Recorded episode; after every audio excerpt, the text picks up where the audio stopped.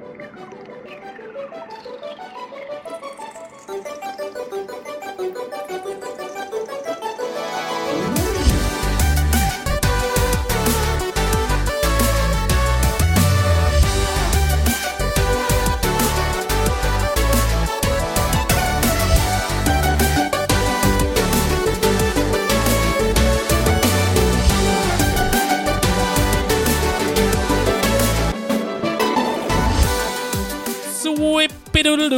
Hjertelig velkommen tilbake til Sidequest, denne podkasten hvor jeg desperat prøver å finne på en ny si måte å si hei på hver eneste uke.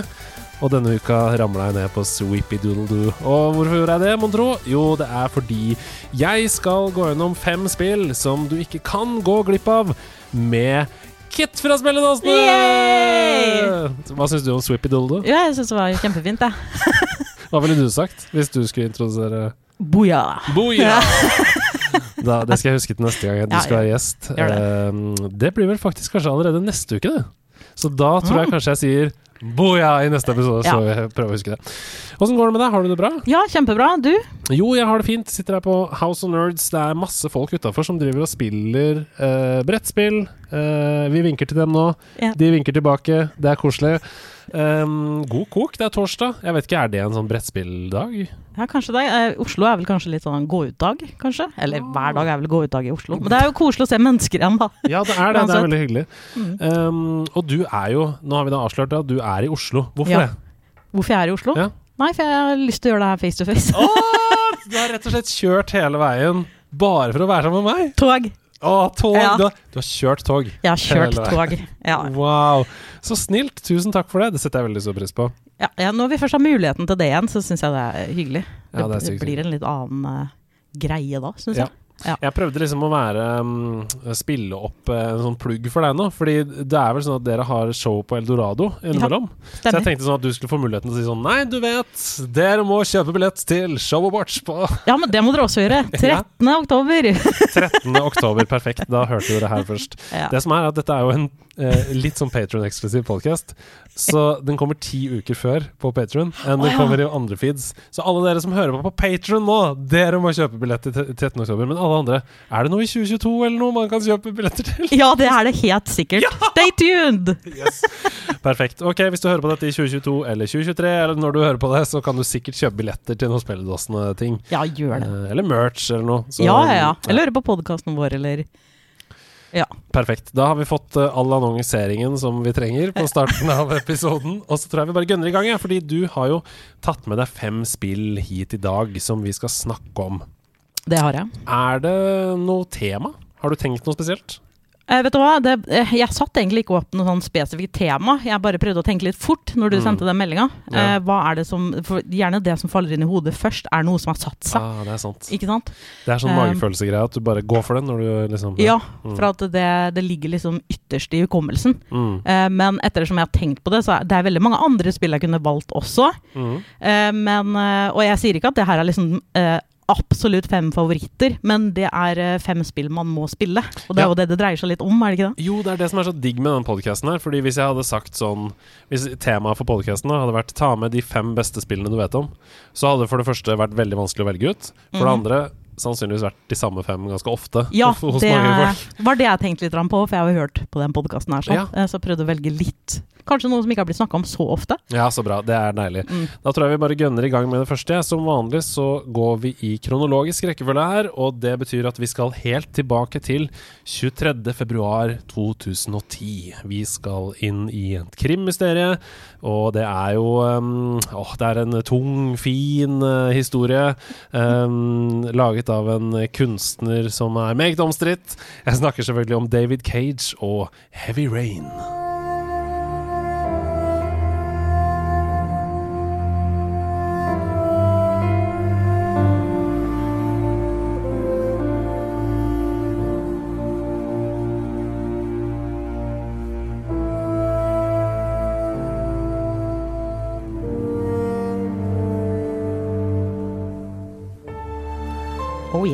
Oh yeah.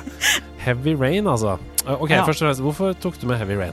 Eh, fordi eh, Nå skal det sies at eh, vi skal jo snakke om et annet spill etterpå, Detroit Become Human. Det er jo samme folka som har laga det her. Mhm. Eh, jeg spilte egentlig det først, Ja. eh, og jeg syntes det var så bra at jeg begynte å gå bakover i, i spillene, liksom. Ja. Så jeg spilte det her for dem der gamle spill, så spilte jeg det for eh, ca. to år siden.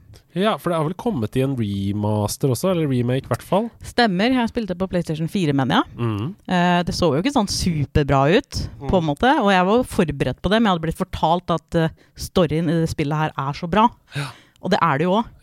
Jeg fikk et sjokk. Det er faktisk en av de første gangene jeg har gått tilbake hvor det ikke ser så pent ut. Og faktisk, det har blitt en av mine favorittspill pga. storyen. da. Wow. Ja, men det er jo en kjempebra story, Uh, og vi lever jo i en tid nå som er liksom True crime er helt Mm, der oppe yes. og sånn. Og jeg elsker true crime. Ja. Så for meg så var jo det her det perfekte spill. Åh. Ja, Det er jo nesten som å se på norske kriminalsaker, liksom. ja, men det er det! Ja, det er det! Hva er det det handler om? Kan ikke du fortelle litt om det? Jo, det handler jo om eh, Altså, du spiller jo på en måte flere karakterer i, i det spillet her, sånn. Mm. Eh, og du starter som en småbarnspappa som heter Eden Mars. Mm. Eh, og det starter på en måte med at han mister sønnen sin. Mm. Så du leter etter eh, din egen sønn, da, på en måte, for du spiller jo han. Mm. Og så spiller du en politietterforsker som eh, forsker på den saken her, sånn. Eh, og så er jeg litt usikker på Jo, en eh, journalist tror jeg du spiller, og, og en uh, Jeg er litt usikker, jeg husker Ja, ikke hva ja. de andre Det er så, Nei, men det er litt Det sklir i det. to år siden. Ja, ja. Men eh, i hvert fall um, Det er jo som sagt du er jo, Som FBI-agent så er du på jakt etter en uh, morder som heter The Origami Killer. Mm. Som er kjent for å da kidnappe barn Mm. og bruke da en uke da på å drepe de. Ja. Eh, og det som skjer, er jo at han Origami Killer han gir jo på en måte clues til han faren på hvordan han kan redde sønnen sin. ja. Så spillet på en måte bygger opp litt den derre Var du villig til å gjøre for ditt eget barn? Mm. Det er ganske mye, og det er ganske fæle ting, da. ja. Eh, jeg har ikke barn selv, men jeg kan tenke meg at det, folk som spiller det her som har barn, må, det, dette må være forferdelig. Ja, det er, det er noen sånne spill der ute nå som er sånn før og etter man ble forelder. Um, jeg har hørt at mange har det samme forhold til The Last of Us. At det var liksom greit å spille det før de fikk barn, og så etter at de fikk barn. Så bare Det går ikke an å Nei, spille det går det! ikke mer. Nei.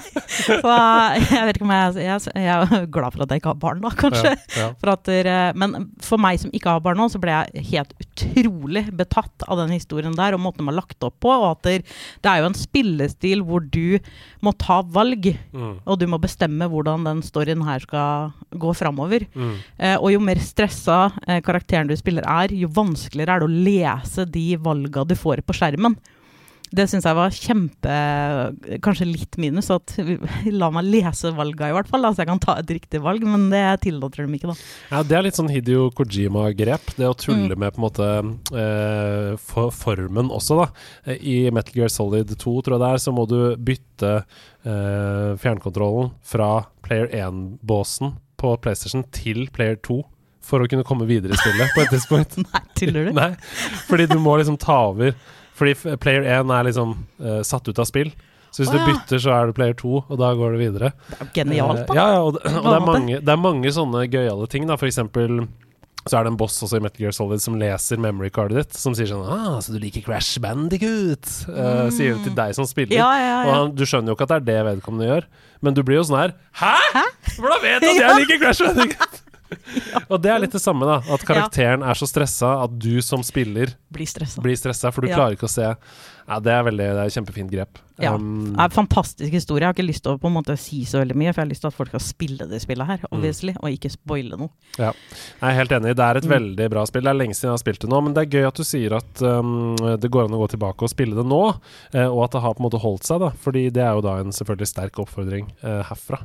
Ja. At folk som er glad i den type krimhistorier, uh, kan få um, Ja, og glad i å på en måte din integritet blir satt på prøve, da, på en mm, måte. mm. Hvor langt er du villig til å gå? Ja. Interessant. Ok, vi hopper videre, vi. Fra Mm. en eh, litt introvert uh, singleplayerspill til et ekstremt ek ekstrovert uh, skytespill der du både banner og svært er, men også er så lykkelig som du aldri kan bli i noe spill noensinne. Jeg snakker om selvfølgelig det store Blizzard-spillet fra 24. mai 2016, Overwatch.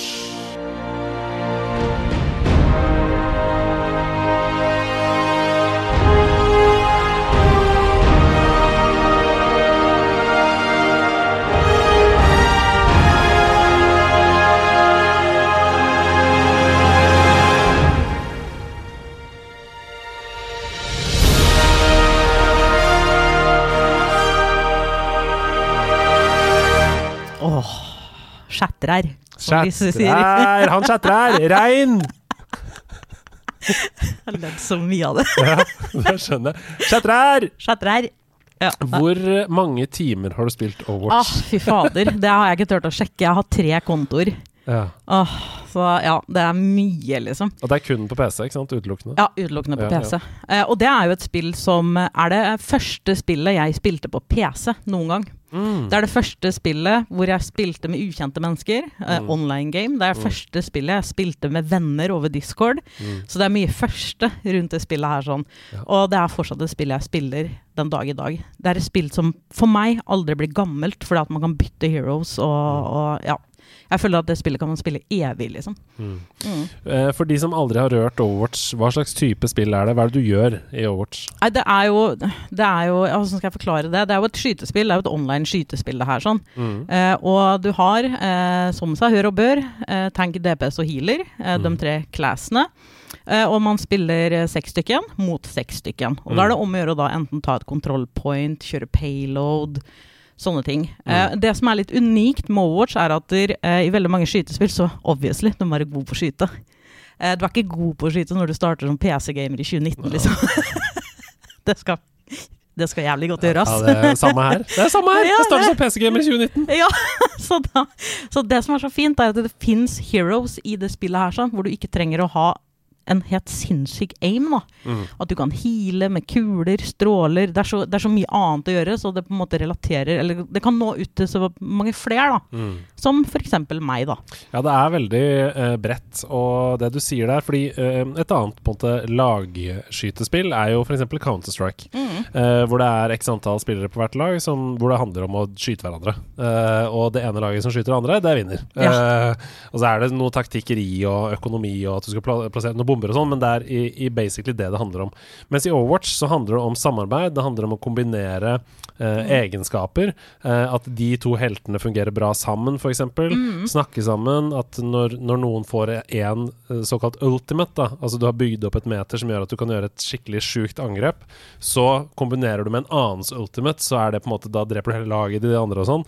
Det handler om mer sånne ting, og, og det du snakker om også, at eh, alle finner sin spillestil Mm. i det spillet.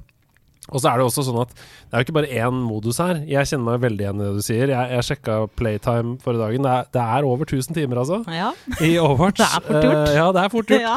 Og, og det er jo bare in game time. Altså Jeg tør ikke tenke på hvor mye jeg har sittet i menyer og venta på games og gått gjennom skins og alt sånne ting. Mm. Altså Du kan jo sikkert uh, legge på 50% av tiden en gang til. ja, man må Eh, jo kle seg på anledningen. Ja. Nei, eh, så, for det er jo så mange andre modes her også. Det er f.eks. en mode som heter Lucio Ball, som kommer og går, som Mm. er liksom fotballspill. Det er, som, det er som Rocket League, bare med at du bruker karakteren Lucio, da, eh, Mm. som bumper den ballen rundt omkring. Du har Mystery Heroes, som gjør at du blir tildelt en tilfeldig helt hver gang du dør. Som Ja, det er du dritkult. Jeg syns det er kjempegøy, og da lærer du også å spille med mange, ikke sant? Mhm. og det er lavterskel og sånn. Så det, er, det har Det byr på veldig mye, da. Og jeg spiller det jo fortsatt, og jeg har spilt det i fem år. Og, og det er jo samme grunn som du sier, at jeg føler at det er vanskelig å bli lei. For hvis du Mm. blir lei, så bare bytter du. Ja, ja, bytter du hero. Mm. Spiller noe annet. Da blir det helt andre taktikker, andre måter å samarbeide på. Vi er jo liksom syv jenter da, som spiller det her sammen. Mm. Det er jo så kult å sette opp nye strategier og ordne og styre. Og så er det litt den derre Du kan bare skru på PC-en, ta et par games, og så gå og legge deg. Eller ja, det er det man sier til seg sjøl, da. Men, men det har, man kan det Man hvis kan man er det. flink. Ja, det er sant det. Hvis man har eh, Hva heter det? Disiplin, heter det. Ja, det husker jeg ikke hva er. stemmer det. Nei, det skled ut korona. Um, nei, det er veldig mye som er bra med Overwatch. Um, hva tenker du om debatten Overwatch 1 versus Overwatch 2? Ville du helst at de skulle ha fortsatt med store betalte oppdateringer, sånn som Destiny f.eks., uh, til Overwatch 1? At det hadde kommet en stor DLC som man kunne betale for? Eller er du fan av det som skjer nå, at det kommer et helt nytt spill, og så lar man på en måte det gamle eh, ligge? Det er ikke uspillbart, fordi du kan spille én og to sammen, men det kommer ikke noen nye oppdateringer. Hva tenker du? Åh, det er vanskelige spørsmål. Jeg har egentlig vært ganske hypa på Overwatch 2, for jeg har følt at noe må skje. Mm. Men jo mer info vi får om Overwatch 2, jo verre syns jeg det er. Mm. Eh, så da syns jeg nesten det er bedre at de freder det vi elsker. Mm. Og så lager noe nytt istedenfor. Istedenfor å begynne å tulle med det vi syns er bra. da. Mm. Jeg tror det er der jeg lander. Det er veldig vanskelig å si, siden eh, to ikke har kommet ut engang. Det kan jo hende det er dritbra. Mm.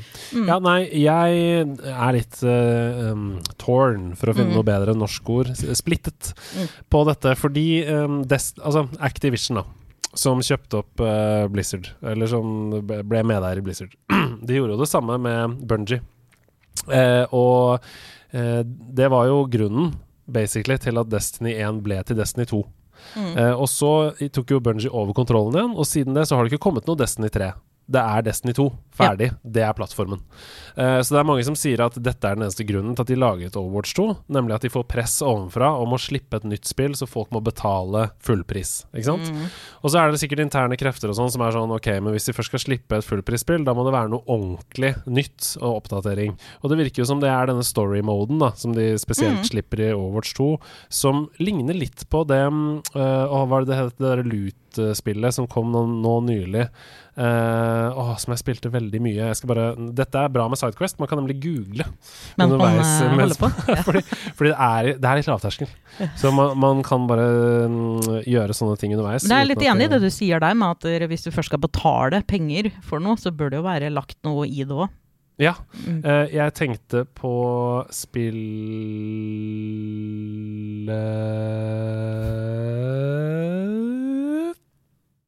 Der har hun. Outriders! tenkte jeg på. Ok, nå spoler vi tilbake, dere. Eh, Resonnementet mitt var at um, eh, denne singleplayer-delen ligner på Outriders. Altså, du, du velger deg en karakter, du utvikler et skill-tre etter hvert som du kommer mm. videre i spillet, og du får loot, og du kan velge mellom forskjellige sånn Vil du ha denne granaten som gjør 15% større skade? Vil du ha Ikke sant? Sånne ting. Som er en ganske stor forandring, da, fra Overwatch 1. Det er det. Og det er også ganske mye Det ville på en måte ikke fått plass i Overwatch 1 sånn som det er nå. Så det kan kanskje forsvare en ny utgivelse. Mm. Og den delen ser jo litt kult ut òg, for da Ja. kan du ta det som et nytt spill. Mm. Mm. Men jeg syns jo det der at, de gå, at det skal bli fem mot fem i en tank Skeptisk. Mm. Jeg vet ikke helt åssen det Er er det fordi du mener tank, eller? er Nei, nei, men jeg, jeg, jeg syns synd på jentene mine som mener tank, som Ja. har jobba så lenge med å, å teame opp eh, Mm. og, og spiller så sinnssykt bra sammen, og så Mm. blir det her Ja, det syns jeg Ja. også. Det, det er veldig På et sånt e-sport-nivå så er det jo på en måte eh, nesten utilgivelig. Mm. Altså Tenk på de som har dedikert livene sine til å prestere på toppnivå, liksom. Og så Ja. plutselig bare forsvinner rollen din. Det er som at fotball skulle være sånn Nå har vi ikke keeper lenger. Ja, Så alle som er keepere ja. Litt sånn you. er det. Det er jo helt sykt å gjøre. Jeg skjønner ikke helt hvordan dem For det virker jo for meg nå som at når du skal spille eh, det her, så, så bør den som spiller tank, være en main tank. mm. Det blir jo litt sånn hva gjør alle off-tanksa nå, mm. liksom? Nei, det må være Reinhardt eller Orissa eller Sigma, eller det må liksom være Ja, det, det ser i hvert fall sånn ut nå. Det kan jo hende de gjør noe sånn at det går an å spille off-tank, og det gjør de jo helt sikkert. Men Mm. sånn som det ser ut nå, så, så kan jeg liksom ikke helt skjønne det. Nei. Nei. Nei, fordi det er sånn de, Det er så perfekt balansert nå, da. Jeg mener Mhm. at man må ha to tanks, liksom. Yes. Du må ha en, en eh, såkalt activator og en, og en passive, liksom. Eh, si Diva og Rein, mm. eller, eller Zarya og Sigma, eller Mhm. liksom eh, Roadhog og Orissa, Mm. eh, som kan jobbe sammen. Um, men men du, du Det er nesten så jeg føler at de kommer til å slippe en ny type tank, som er begge deler. Er Altså, ja Se for deg Reinhardt med hook. Ja. Åh, damn. Ja, det, det hadde vært noe. både har shield, men kan også på en måte Ja, ja, for de driver jo og endrer på alle heroesa òg, så det vil jo ikke bli eh, samme abilities og sånn som man eh, hadde Nei. før heller. Så det kan godt hende de gjør noe med tanksa for at det skal fungere som én, da.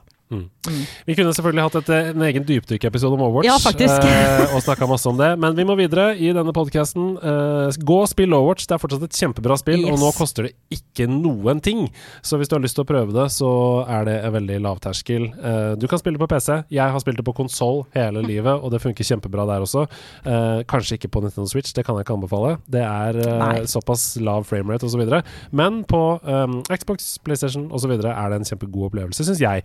Eh, og PC syns også det er en god opplevelse der. Ja ja, Så, eh, fantastisk. Det er kanskje den beste opplevelsen, egentlig. Ja. Men, eh, men Ja, det vil jeg si. eh, Så derfor så plukk det opp hvis du ikke har prøvd det enda Jeg hadde nesten ingen forhold til skytespill. Seriøst. I hvert fall ikke ikke online-skytespill. Eh, jeg hadde spilt liksom Wolfenstein og, og litt sånn Mm. singleplayer-skytespill. Eh, Call of Duty singleplayer og sånn, men multiplayer online nesten ingenting. Og jeg elsker Overwatch, spilte over 1000 timer, så plukket opp. Mm. Ok, vi skal videre. Du tisa det i stad. Du sa eh, det er samme selskap. Det kom 25. mai 2018. Det er Quantic Dream og David Cage. Uh, Detroit Become Human.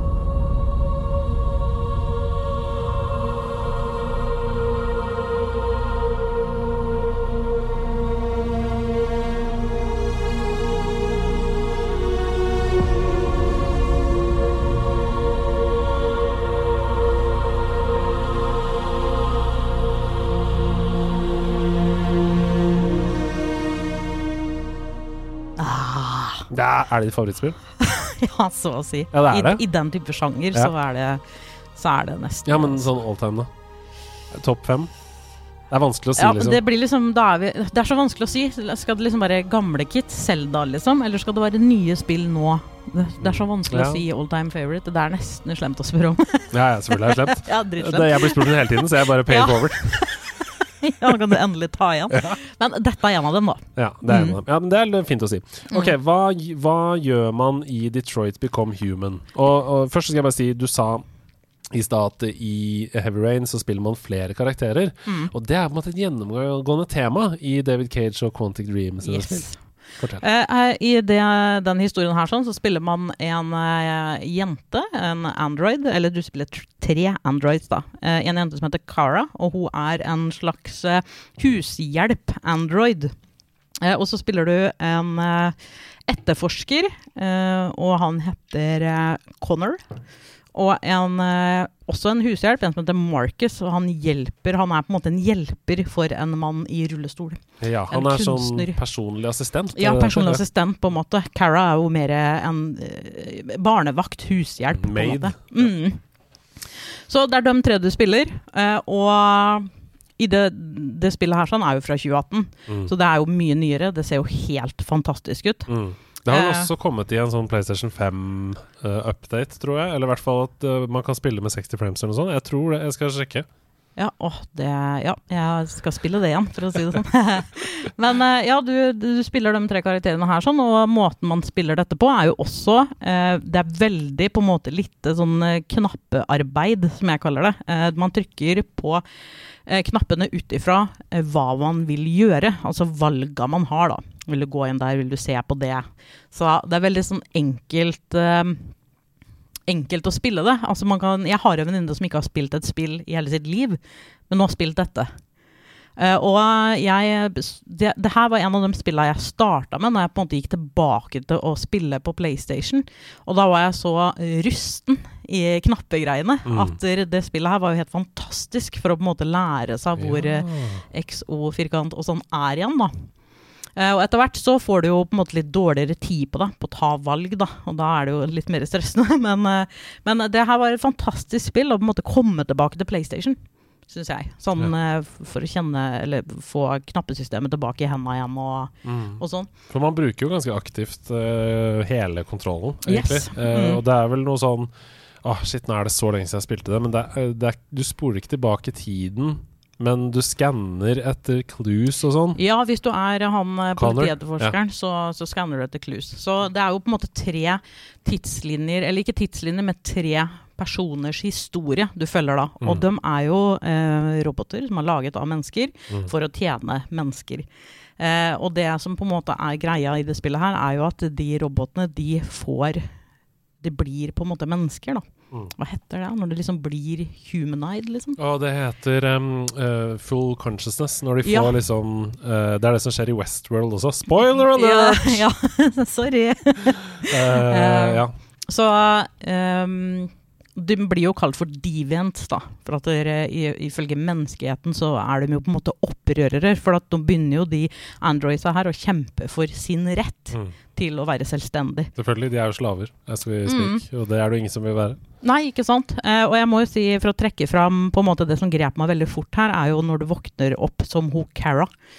Eh, og du er eh, Det er en mann som kommer og henter deg i butikken. Du har Mm. tydeligvis blitt reparert, for du har vært ødelagt. Og så blir du tatt med hjem til huset, og så får du da beskjed om å, å være hushjelp og passe på dattera hans. da. Mm. Og du merker stemninga i det huset ganske fort.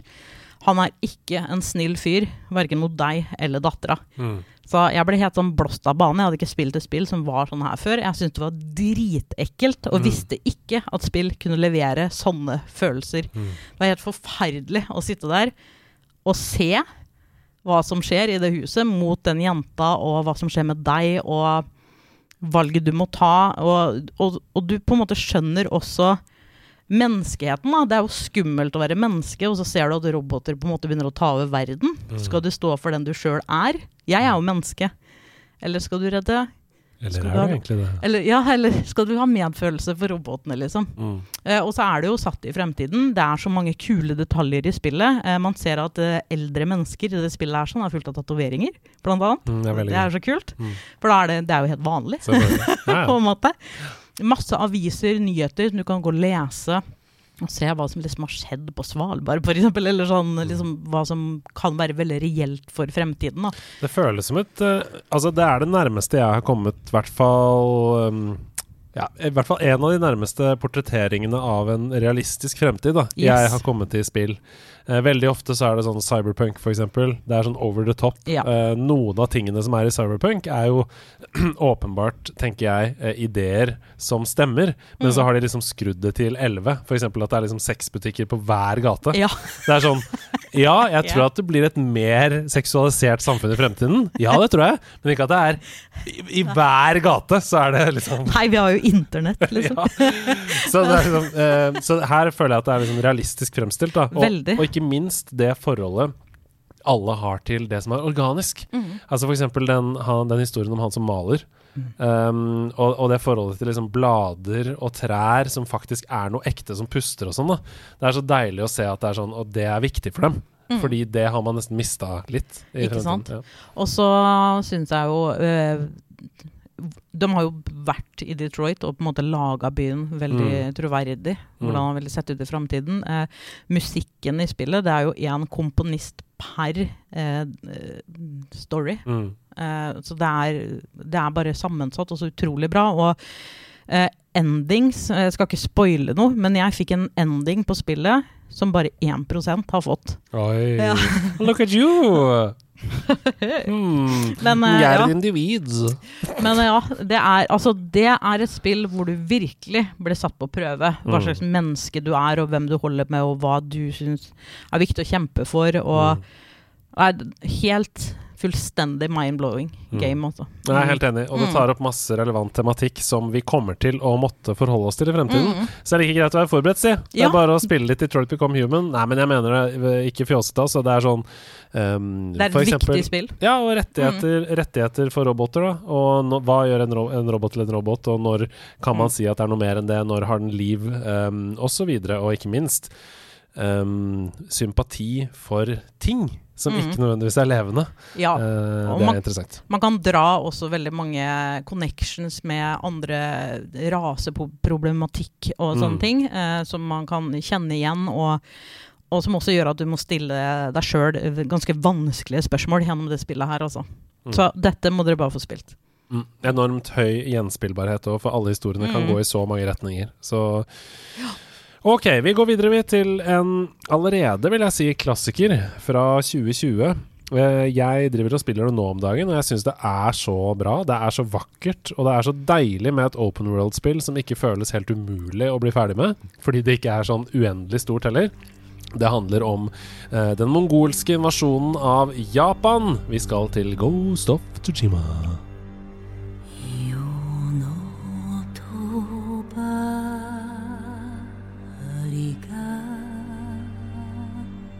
り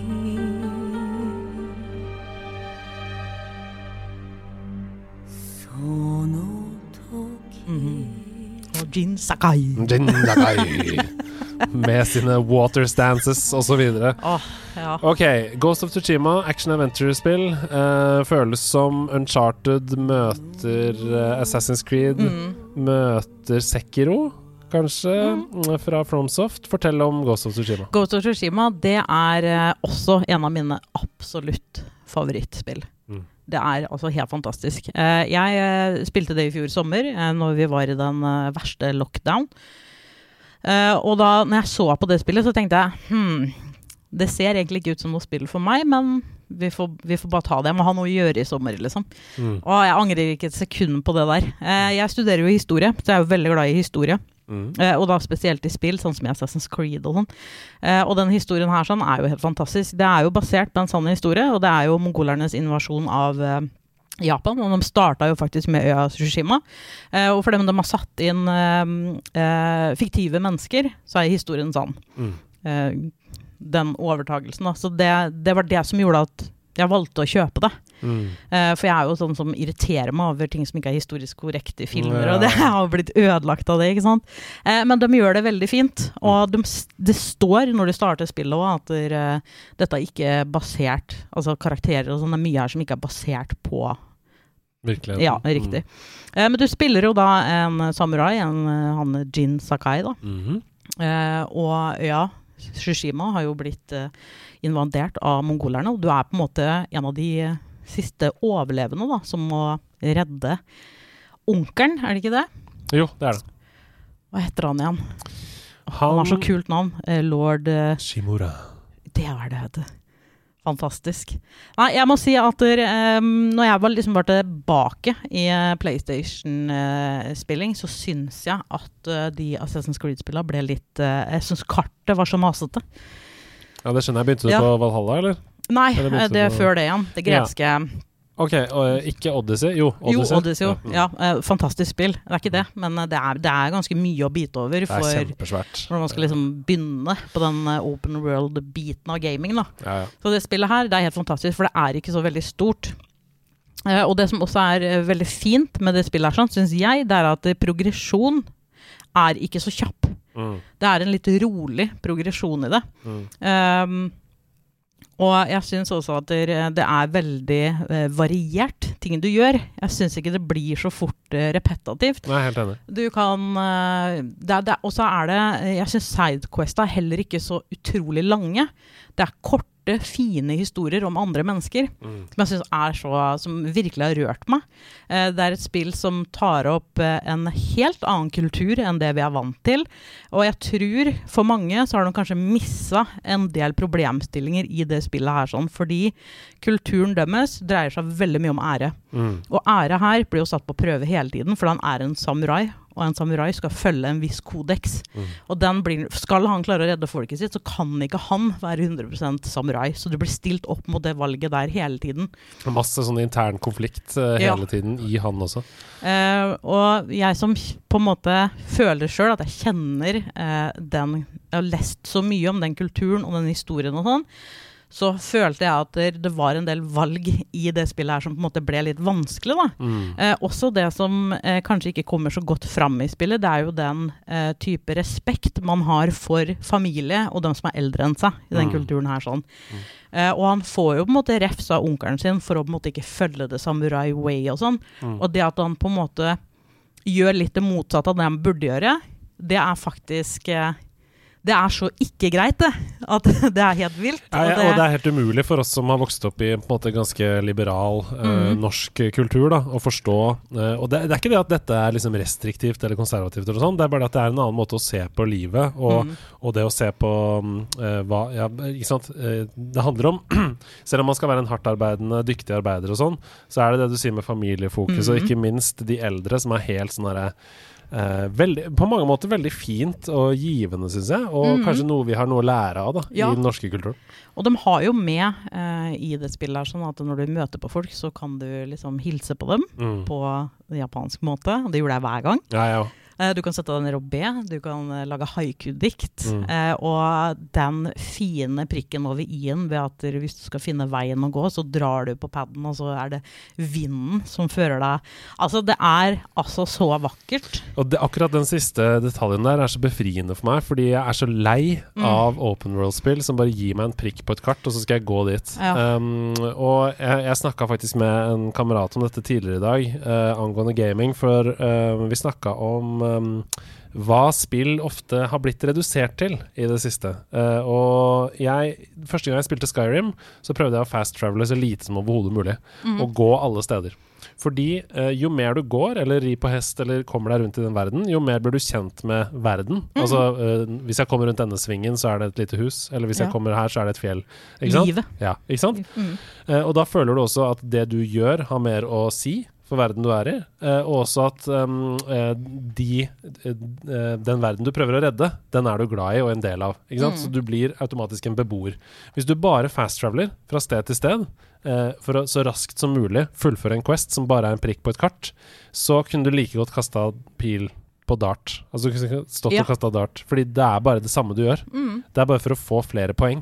Mm. For å gå opp i level, for å komme deg videre. Du opplever ikke verden, da.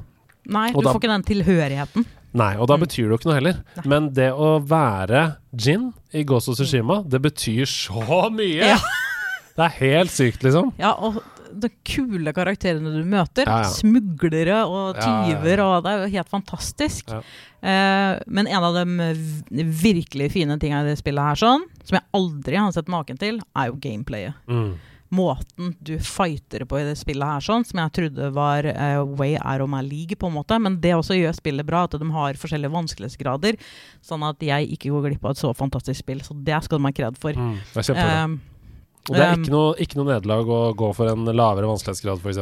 Det er tvert imot. Du får ah, ja. mestringsfølelse på alle Yes. vanskelighetsgrader uansett. Så. jeg lover det. Ja. Eh, og alle, det å bygge opp rundt de forskjellige stansa, eh, som jo eh, Når du slåss med en katana og sånn, så er det jo helt eh, logisk at hvis det kommer en kjempestor mann med et kjempestort skjold, så kan du ikke bare stå og stikke, stikke, stikke. stikke. det går jo ikke der. er Du må gjøre noen endringer. Ja. Eh, og måten de har gjort det på, er det, det flyter, og det er så smooth å bytte stance. Mm. Eh, jeg syns at eh, i veldig mange spill så må du låse deg til en spillestil. Skal du spille sneaky, skal du være oppi trynet på folk og tenke.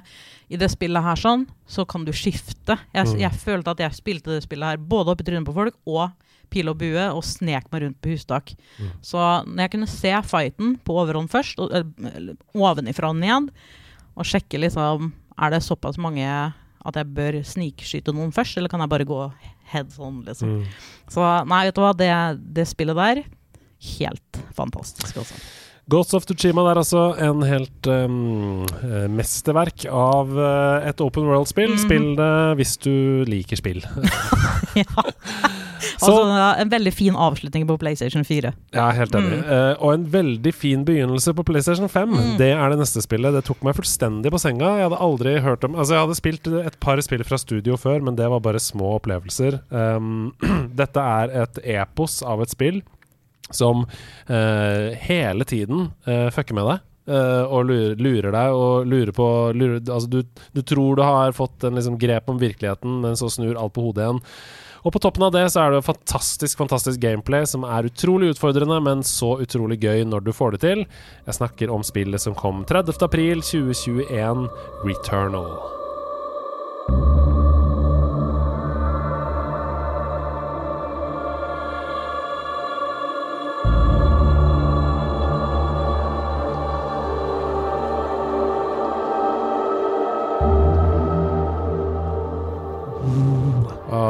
Ja, det Åh, for et spill! Det er så bra fordi det er så utilgjengelig. Eh, Det er derfor jeg syns det er så bra. Nei, men det er sånn eh, Ikke alle spill kan være for alle, på en måte. Eh, Og akkurat som at ikke all musikk er for alle, eller alle litteratur, eller alle utstillinger, museum, kunst, statuer. Noen vil foretrekke noe, og alt kan ikke være Crash Bandicut, på en måte. Altså alt kan ikke være sånn at det skal treffe flest mulig. Nei. Returnal tar, er helt fullstendig kompromissløst. Da. Det er et spill som bare er eh, 100% tro til visjonen til de som har lagd det. Uh, så fortell meg, da. Hvorfor er det så bra? Hvor skal jeg begynne? Det er Der du skulle- vil!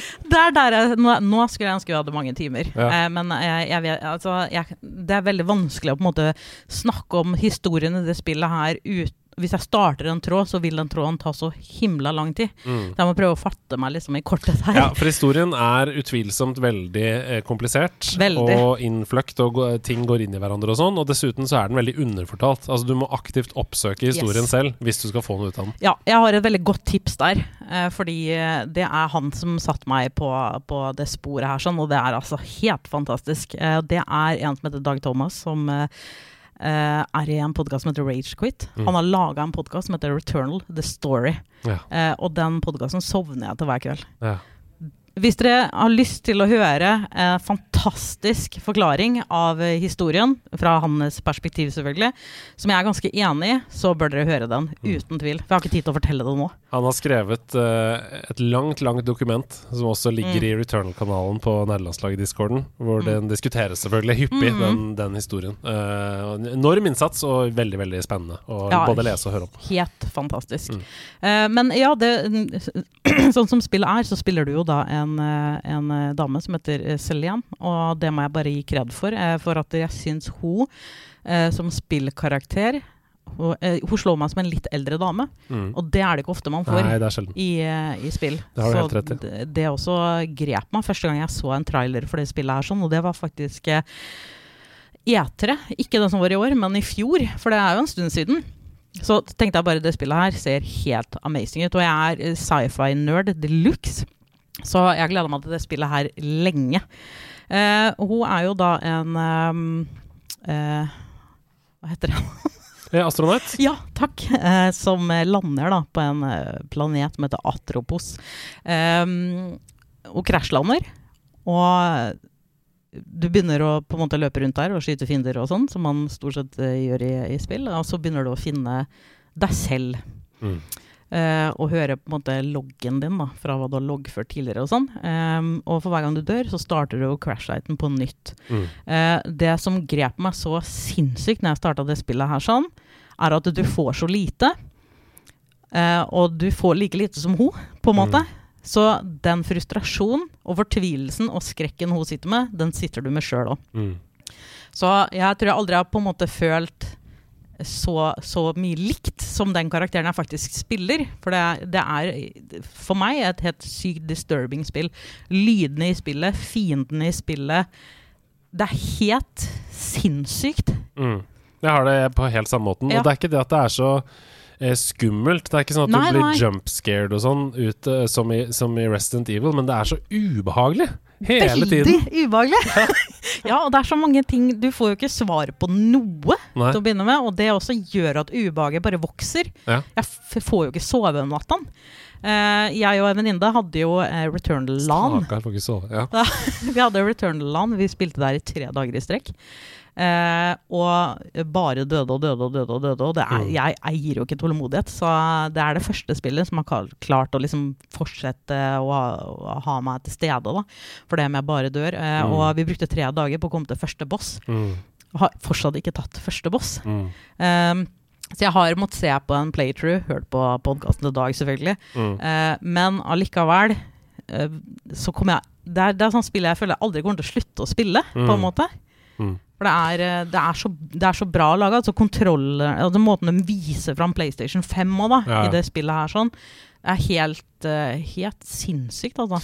Og kontrollene er ultrapresise. Og Mm. det som er så fint også med Returnal, er at det har så veldig mye av den Dark Souls-følelsen. Og med det så mener jeg at uh, selv, det er ikke det at du nødvendigvis blir så mye sterkere som karakter eller får bedre våpen eller sånn, det er at du som spiller blir bedre. Yes. Uh, og du merker det. Sånn at eh, neste gang, da, så når, hvis du kom til første boss og døde, så neste gang så er det større sannsynlighet Mm. for at du vil komme dit igjen.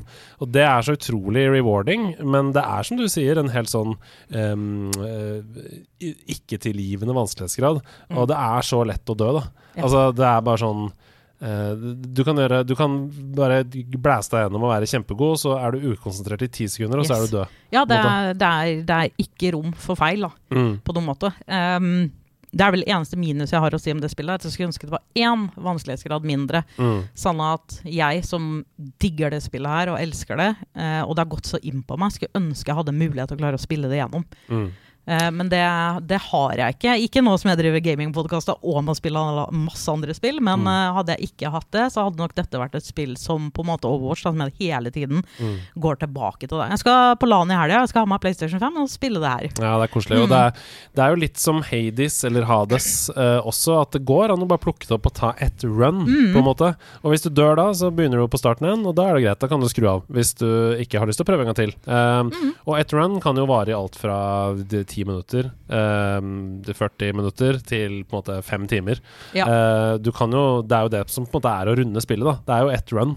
Uh, Ja, ja, ja. Og, og hvis du dør etter ni timer inni et run, så må du begynne på første Ja, på, ja. på starten igjen. Og man skulle jo tro, for folk som hører det her, at det hadde jo klikka, liksom. Men det Det er en tilf tilfredsstillelse, på en måte, som jeg ikke helt Jeg klarer på en måte ikke helt å forklare det. Nei. Men det er som du sier, at jeg ble bedre som spiller. Jeg har klart å komme meg til bossen uten å ta noe damage.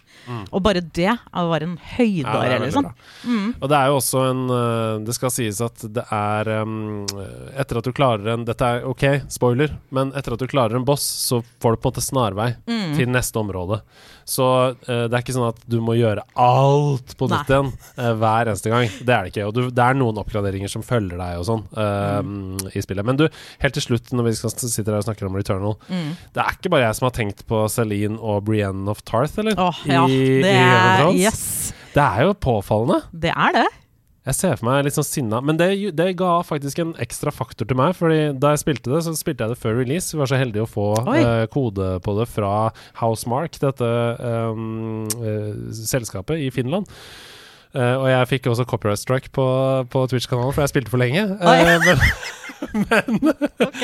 men det å føle sånn OK, jeg er Brienne. Jeg er litt sinna, liksom. Eh, Det er payback time, bitches. Ja. Det var litt sånn Det ga en ekstra dimensjon til karakteren. da Mm. For, Og hun er veldig tredimensjonal, og hun blir veldig sårbar etter hvert og sånn, men i starten så er det liksom bare sånn um, Ja. Eh, ikke, eh, greit, det er ubehagelig her, men dere skal søren meg få smake, liksom.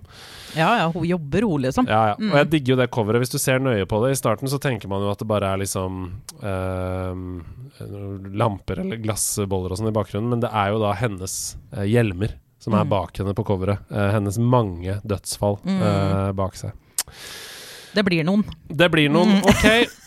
Nå har vi tjatra av gårde her. Uh, tusen takk for at du tok med deg fem fantastiske spill. Dette var kjempegøy! Ja, i like måte. Det var, åh, jeg kunne snakka i ti timer til. Ja. Sikkert.